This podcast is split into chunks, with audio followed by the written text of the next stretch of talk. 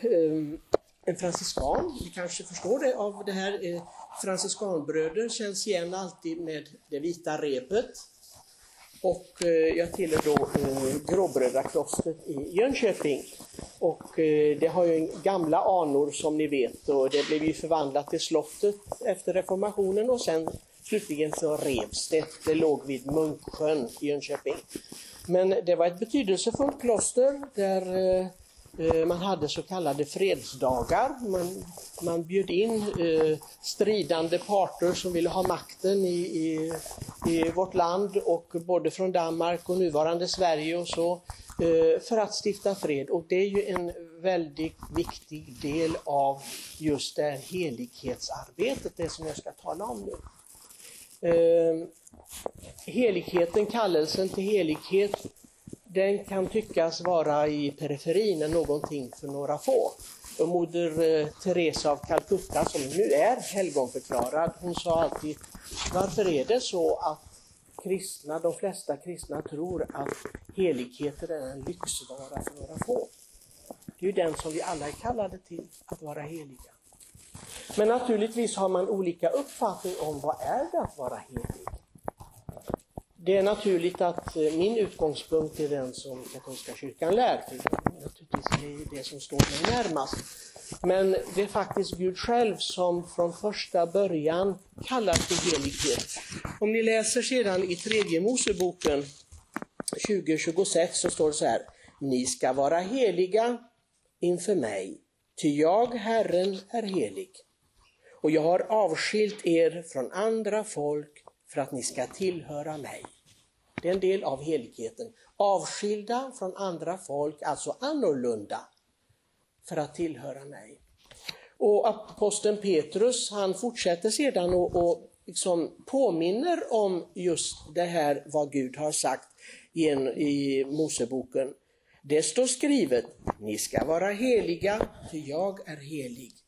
Petrus första brev 1 och 16. Alltså kallelse till helighet. Helig är ett väldigt vackert ord, även på svenska. På engelska också holy. På italienska santo. Allting kommer från samma, att vara hel. Är man inte helig, då är man fragmenterad, man, man, man är inte hel. Det är någonting som fattas. Så det är egentligen ett väldigt, väldigt vackert ord. Och det säger egentligen det vad det betyder. Jesus han talar om det på ett annat sätt. Ni är mina vänner, säger han. De som tillhör Gud och står Gud närmast, de är hans vänner. Och vi kallar ju helgonen för Guds vänner. Men Jesus han säger ju någonting som inte vi kan säga när vi vill ha kompisar och vänner. Vi kan inte gå ut på och säga det, vill du med min kompis, då gör du vad jag befaller dig. Har ni försökt med det någon gång?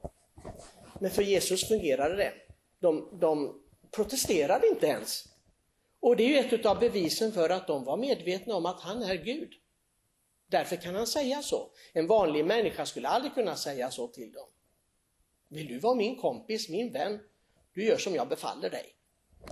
Det är ingen som skulle gå på det. Men de förstod att där är det Herren, det är Mästaren som säger det, som kallar.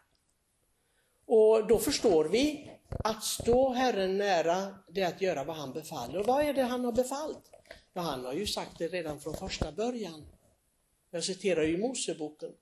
Och detta upprepas flera gånger i evangelierna. Lyssna Israel. Du ska älska Herren din Gud av hela ditt hjärta, av all din själ, av all din kraft, av allt ditt förstånd och din nästa som dig själv. Så att älska Herren på ett sådant helgjutet sätt utan att det bara blir vid sidan om. Det är det som Herren begär för de heliga. Kan man det? Är det verkligen möjligt? Ja, skulle Gud begära någonting orimligt? Det, det tror vi knappast inte. Eh, för det skulle vara absurt. Gud begär bara det som är möjligt för människan. Och den här kärleken, den strävan som vi förstår genom inkarnationen, människoblivandet av Jesus från Nasaret, att det handlar om att följa honom, för han säger det flera gånger. Man ska följa honom, man ska acceptera livet så som han gör det, man ska bära sitt kors. Det vill säga i full överensstämmelse med Guds vilja. En helig människa, en människa som har samma livsprogram alltså som Guds enfödde son. Jag brukar ofta påminna mina församlingsmedlemmar om detta. Brukar ni säga det till varandra, frågar jag dem. Jag är inte här för att göra min vilja, utan Faderns vilja. Det är väldigt viktigt alltså. Och när ni är besvikna och arga på saker och ting, säger ni då till er själva, mitt rike är inte av denna världen. Har ni den distansen till allt det som sker i livet att ni kan säga det? Eller det kanske skorrar falskt när vi säger det, men, men då får vi öva tills det blir rätt. Mitt rike är inte av denna världen. Över alla dessa besvikelser, och det finns massor med kristna som är besvikna. Och än det ena än det andra. På sig själva, på andra, på sina livsval, på vad som händer i livet, på samhället, på kyrkan, ja på allt. Och går omkring här med den där malande, gnolande missnöjdheten som gör att de kommer ingen vart. För de har fastnat i dessa tistlar av missnöjdhet och förväntningar av livet som Gud aldrig har gett. Gud har bara bett om den här fullkomliga uppmärksamheten på honom, på hans kärlek, för som förberedelse inför evigheten. Och det är detta som är typiskt för ett helgon. Helgonen, enligt katolska kyrkan, de är inga semigudar, de är inga halvgudar. De är inte istället för Gud. Jag läste en eh, undersökning från Italien, jag har ju bott själv i Italien, jag gick i kloster i Italien. Och det var ganska så omskakande, jag var lite chockad faktiskt. Och de hade frågat, jag tror att det var 10 000 italienare, vem anropade de först när de hade problem? Och man kunde tänka sig Gud fader eller Jesus Kristus eller så, men, men det var Pater Pio, ett helgon som levde på början på 1900-talet. Pater Pio, detta helgon som, som han var stigmatiserad, bar Kristi sårmärken på sin kropp och han firade gudstjänster som tog tre, fyra timmar och, och, och, tusentals människor vallfärdade till den här prästen då som, som, som egentligen inte var så värst trevlig och han slog mot folk när de kom nära och för han tyckte att de var syndare, jag vet inte vad. Men dess, den, han, han var någonting. Och det är ju verkligen, det var chockerande för katolska kyrkan i Italien att höra detta. Att de vände sig inte till Gud först och främst utan till någon som vi kallar då för helgon. För helgonen kan aldrig ta Guds plats. Då är det någonting som är fel. Det är klart att det är kanske lättare att relatera till en människa som har levt jordeliv som vi och, och tycka att ja men jo Jesus gick också på jorden, Guds son, men han var dock inte bara människa, han var också sann Gud. För det är det vi tror om Jesus Kristus. Så kan jag då relatera till Jesus på samma sätt? Men nu vet vi att Herren Jesus, han tog inte bort någonting av det svåra från det jordiska livet. Jag tror inte att någon av oss kan säga det att jo, jag har nog lidit mer än, än Jesus Kristus. Det har jag nog gjort, om jag sammanfattar alltihopa. Nej, det kan ingen säga. För han ville till och med gå igenom det svåraste av allt. Och det finns ju vissa människor som går igenom det. De som är så desperata, de tar sina liv till exempel och tycker att de ser inte Gud, ingen mening med någonting. Men genom den döden som Jesus har velat gå igenom så kan han se på varje människa och säga, men jag vet, jag vet vad det är.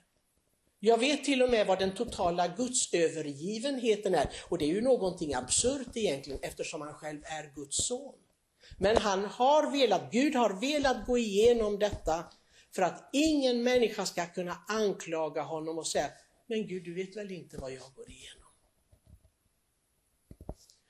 Då de här vännerna, vi är kallade till vänskap, för Jesus säger tydligt och klart, jag kallar er inte för tjänare, ni är inga slavar, Ingenting sådant. Ni, det är på ett sätt att Jesus vill förklara för oss, han har inte behov av någon. Det är inte det. Han har inte skapat oss för att han har behov av oss. Vi är inte Guds tjänstefolk. Utan han vill att vi ska ta emot hans vänskap och besvara denna vänskapen.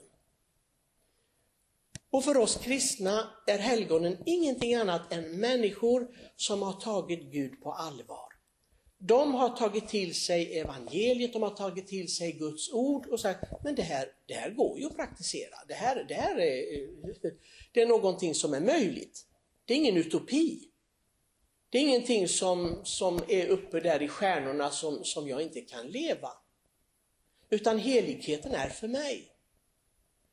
Och när, åtminstone när katolska kyrkan undersöker om en människa har varit så att säga ett helgon eller inte. För helighet betyder för oss ett helgon, en helgonförklaring. Det är att vi tror att den människan är nu hos Gud och är en förebedjare för oss. Det är vad vi kallar Sen är det ju många som inte är helgonförklarade, det är därför vi har eh, eh första november, alla helgons dag, så vi firar alla de anonyma helgon som inte kyrkan känner till. Men vi vet att det finns många fler som är helgon än de som finns på en lista. De som är helgonförklarade. Men någonting som är liksom oavsett vad, när de har levt under historien och oavsett hur de har levt, så det som de har gemensamt är just denna tron på Gud som kärleken och det är det som har format deras liv. Även om de har haft sina fel och brister, för helgonen hade också sina fel och brister. De fick också gå och bikta sig och, och, och omvända sig och, och så. Vi ska inte tro någonting annat. Det är ingen som föds fullkomlig. Fullkomlig blir man genom ett andligt arbete och ett andligt liv. Och genom att leva dygderna, särskilt de teologala dygderna. Tro, hopp och kärlek. Och detta ska vara synligt. I katolska kyrkan är det så att det är vanliga människor som har levt med dem som, som ska kunna erkänna den här människan, Johan här, han var en helig människa. Vi såg detta att han drevs av sin kärlek till Gud. Han, han, han var förlåtande. Det är en av de första sakerna som säger, om, om det var en oförsonlig människa, det är ju inget helgon. Det förstår vi ju. Det var ju det sista Jesus gjorde. Sa till, förlåt dem för de vet inte vad de gör. Och en människa, en kristen då som vill vara kristen och inte lever i den andan, vad är det för slags kristen? Det, det, det finns ingen möjlighet att man kan vara kristen då. Det är, ju det, det, det är ju nästan som en dogmatisk utsago som Jesus har sagt. Från, han, han ville det skulle avslutas på det viset, en av de viktigaste sakerna som han sa. Fader förlåt dem, de korsfäste honom, de hade torterat honom, men förlåtelsen skulle finnas där. Därför att den som gör onda saker, den vet inte konsekvenserna. Den förstår inte vad konsekvenserna är, hur det förstör en själv hur den förvanskar människan. Ondskan förvanskar människan och det är någonting av det fulaste som finns. Att bli förvanskad från att vara Guds avbild. För Gud är kärleken, säger Johannes. Och lever inte jag den kärleken, då är jag en förvanskad bild av Gud. Och det är ju motsatsen till att vara hel, att vara helig. Så denna kärleken måste finnas. Finns det någon som tycker den kanske ber mass, liksom många timmar och, och fastar och jag vet inte vad. Och oftast har ju de gamla, om ni läser gamla, gamla helgonberättelser, det är vansinniga historier egentligen. Man, man liksom så, I katolska kyrkan förkastas den ena berättelsen efter den andra. Och man vill skava fram, liksom få fram vad kärnan är. Är det verkligen ett helgon? Och jag vet att det finns några äldre i min församling som väldigt Åh, jag, jag bad om hjälp till det helgonet men nu säger katolska kyrkan att det helgon inte fanns. Det, det var inget helgon. Eh, som heliga Filomena eller någon, någon, någon sådär. Och gjorde så fantastiska saker. Ja men du förstår väl att det finns inga historiska bevis för det. Hur kan man Ja men hur gick det med mina böner då? Jag bad ju och tände ljus för heliga Filomena. Alltså, jo men det tog Gud emot i alla fall. Så jag menar, det, det spelar ingen roll. Det ska du inte bekymra dig för. Det är, inga böner är förgäves. Ja, ja, de riktas nog till Herren i alla fall, det hoppas jag. Men en sak som är viktig är att man får inte bygga upp tanken på att helighet har med konstigheter att göra. Och det har ju varit så tyvärr i historien. Och varje tid är ju präglad av, av, av, sin mentalitet, av sitt sätt att se det. Så ett helgon som levde på en, på en pelare, till exempel Simon pelarhelgonet till exempel, och, och, eller någon som levde på bara gräs eller bara bad i en grotta och inte hade några bekvämligheter. Det tyckte folk var väldigt heligt. Men saken är den att kyrkan tror att den människan kanske bara var fylld av sig själv, inte av Gud. Det finns ju många narcissistiska människor. Många som vill bli uppmärksammade för olika konstigheter eller, eller begåvningar eller vad det kan vara för någonting. Och, och kyrkan har inte varit fri från det. Många människor som bara var uppfyllda av sig själva helt enkelt. Och de drog folk och det är klart att eh, vem vill inte dra folk? Titta, vi har ju sådana tv-program som är eh, riktade mot stjärnorna och som man vill bli uppmärksammad och man vill bli stjärna och, och, och folk ska applådera en och uppskatta en och sånt. Varför skulle kyrkan vara ett område där det inte fanns sådana människor? Självklart att det finns även där. Men det behöver inte ha någonting med Gud att göra. Det går att fasta utan att vara troende. Jag känner många människor som, som plågar sin kropp genom fastor och gymnastik och allt möjligt för att hålla sig i trim och så, men de tror inte på Gud. De avstår från allt möjligt för att de ska vara liksom friska liksom gudar på något sätt, men det har ingenting med Gud att göra.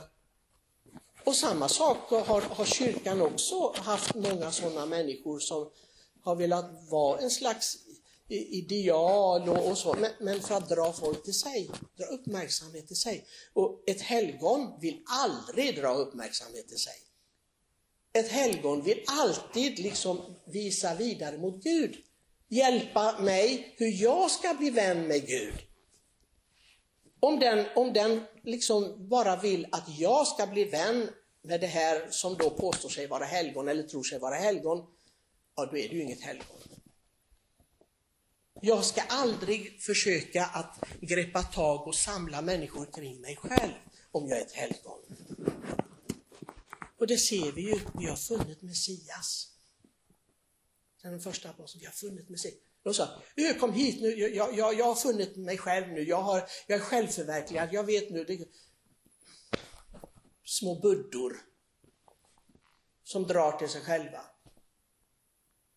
Ja, och det, det, är ju motsatsen till, till helighet. För en helig människa, och det, det har ju kyrkan förstått, den har ju bearbetat det här i 2000 år.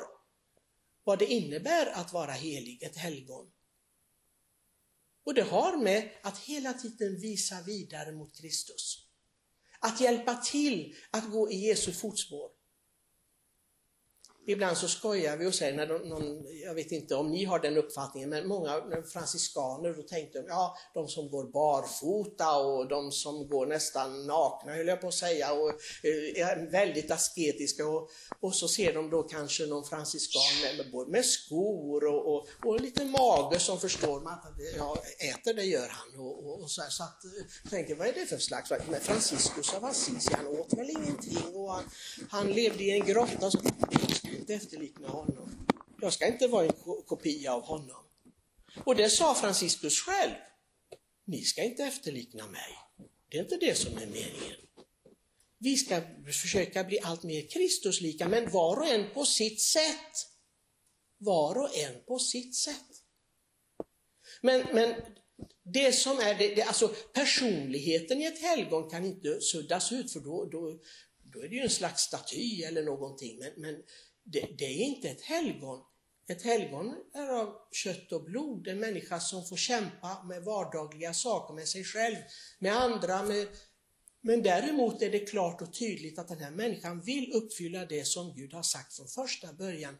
Du ska älska mig av hela ditt hjärta, av all din själ, av all din kraft, av allt ditt förstånd. Och det är nästa som dig själv.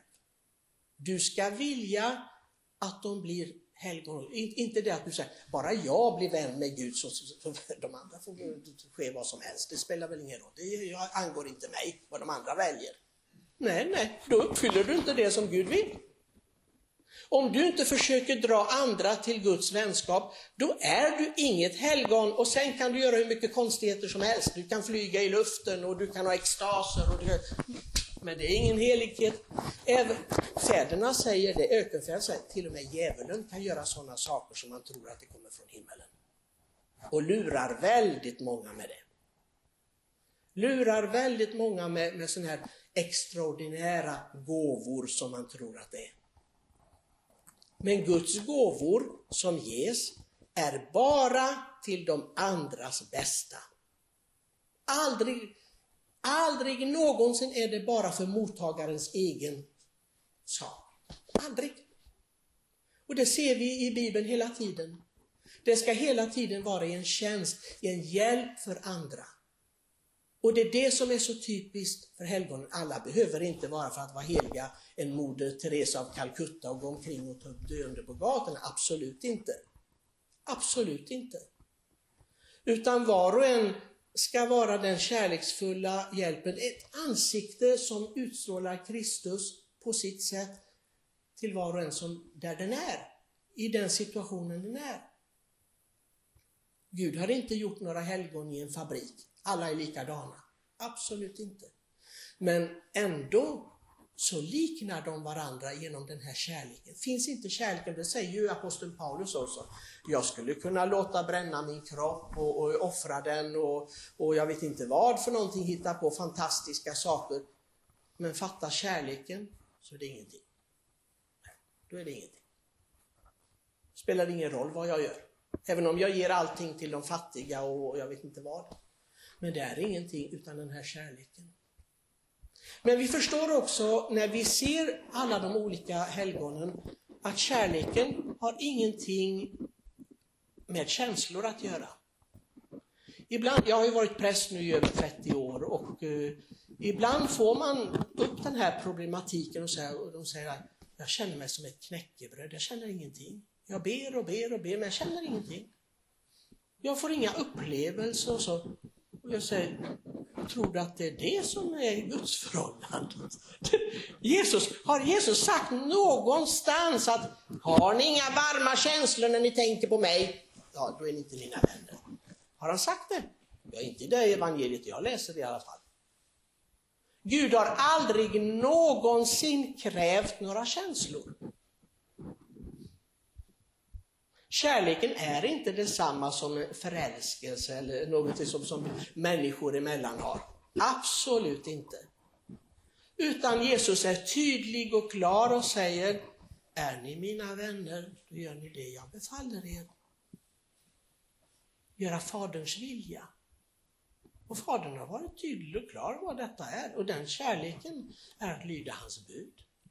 En människa som kanske, jag, jag känner dem som de gråter när de, de berättar för mig att hur de, de gråter, när de börjar be så gråter de och de, de har sådana varma känslor i sig. Men så tänker jag, hur kommer det sig då att, att där i kaffesalen så, så hör jag att du skvallrar om andra? Hur kommer det sig? Är det bönens frukt? Du är ingen särskilt kärleksfull människa. Det säger jag till dig som präst. Och du tror att det har något, det, det, det, även Satan själv kan inge dig att du gråter för du, du ska tro att du är märkvärdig.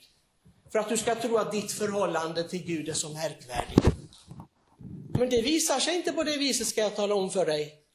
När du slutar att skvallra om andra och vara baktala och, och, och du är illasinnad och, och, och du är inte snäll mot alla, du uppmärksammar inte. När du slutar med det, då tror jag på det. Då tror jag på att du har ett förhållande till Gud. Annars är det bara humbug. Det är falskt. Det är falskt. Så kom inte med dina känslor och inbilla dig att ah, för jag har varma känslor när jag ber och jag gråter och jag kan vaka och när jag läser Bibeln så oj, oj, oj, oj, oj vad känner Nej. Det betyder ingenting. Absolut ingenting. Förrän jag verkligen är en Kristi efterföljare. Och det ska helst andra säga att jag är. Inte jag själv. Inte jag själv.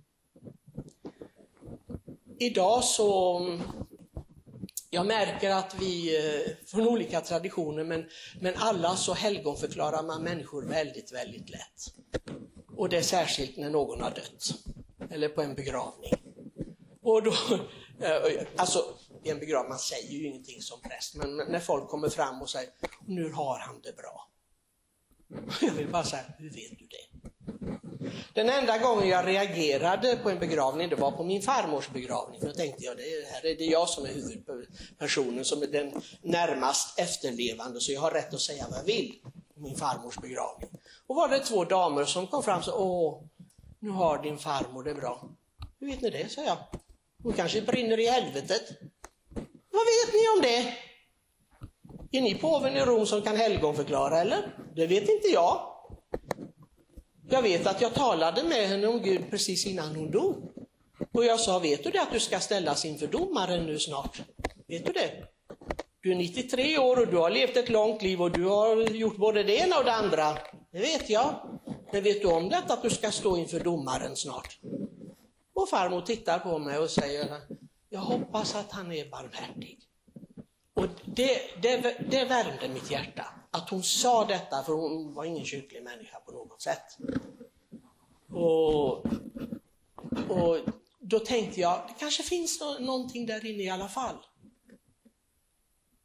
Och naturligtvis, eh, hon var inte katolik så att jag var tvungen att ha biskopens tillåtelse att begrava henne katolskt. Jag gjorde då. Men jag tänkte jag skulle säga till dem där, gå inte och helgonförklara en människa så fort den är död, för det, det är inte så det går till. Att vi tänker att alla har det bra. I katolska kyrkan och ortodoxa kyrkorna är det väldigt viktigt med förbön för de döende. Det är det som för oss en begravning är. Det, det, är inte en tröst för de efterlevande utan det är just förbön för den döende. För vi tror att den här kärleken har inga barriärer, inga gränser utan när vi ber för avlidna människor då är det en av de största kärleksgärningar vi kan göra. Och Gud vill se kärlek, omsorg om alla, både levande och döda.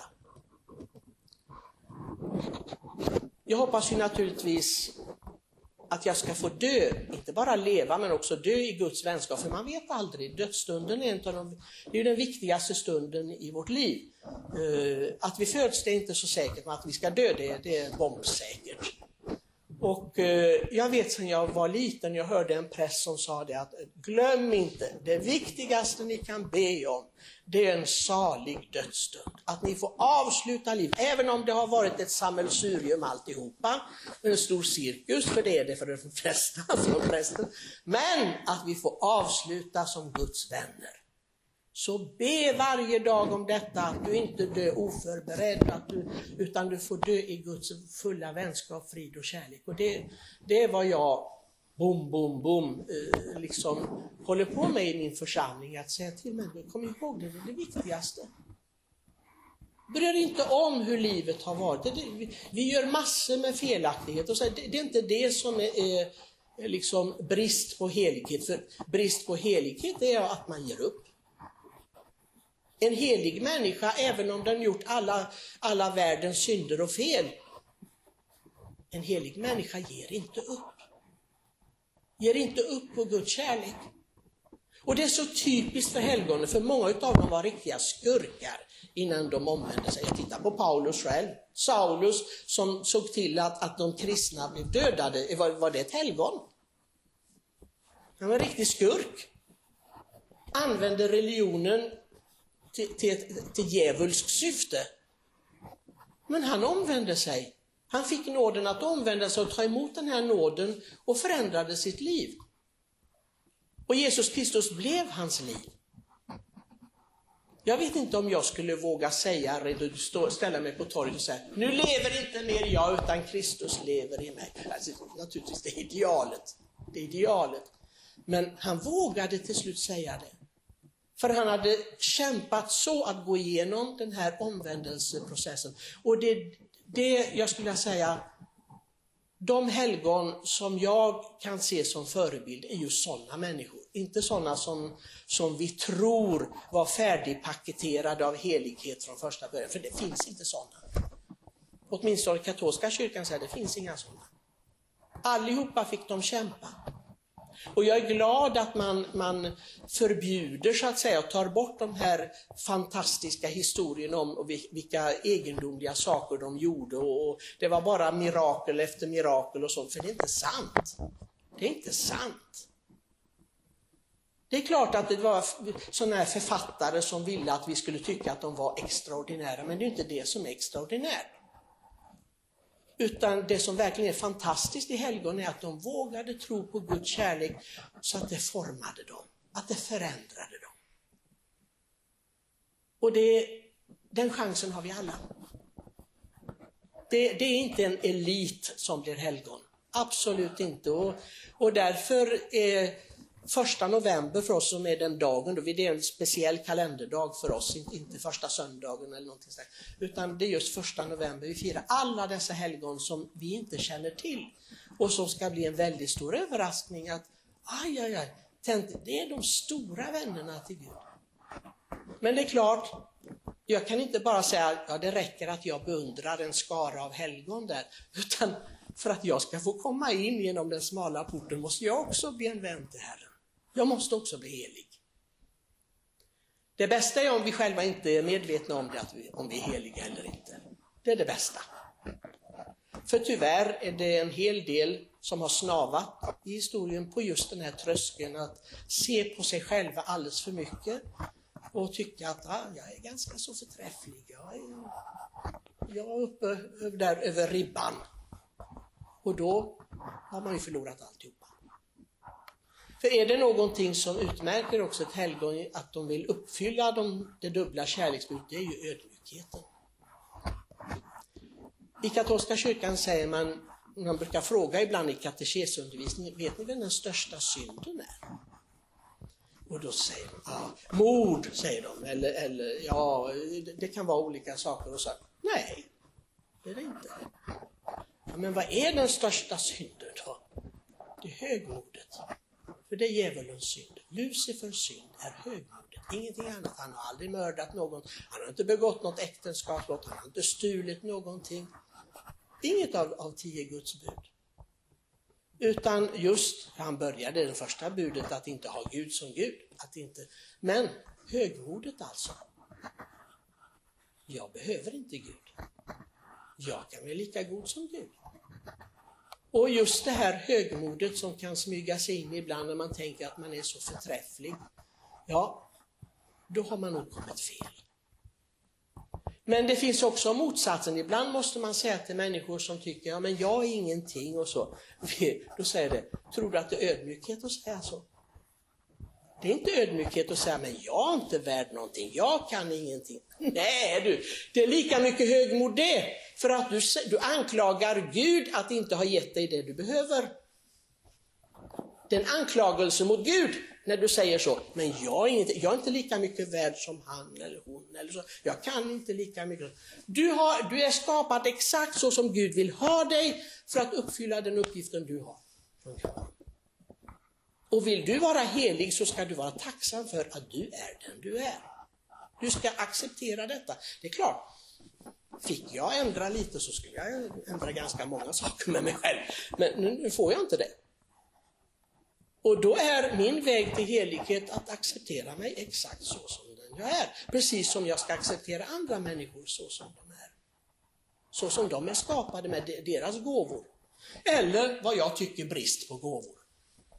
Men det är ju också en anklagelse mot Gud. För det finns ingen brist på gåvor.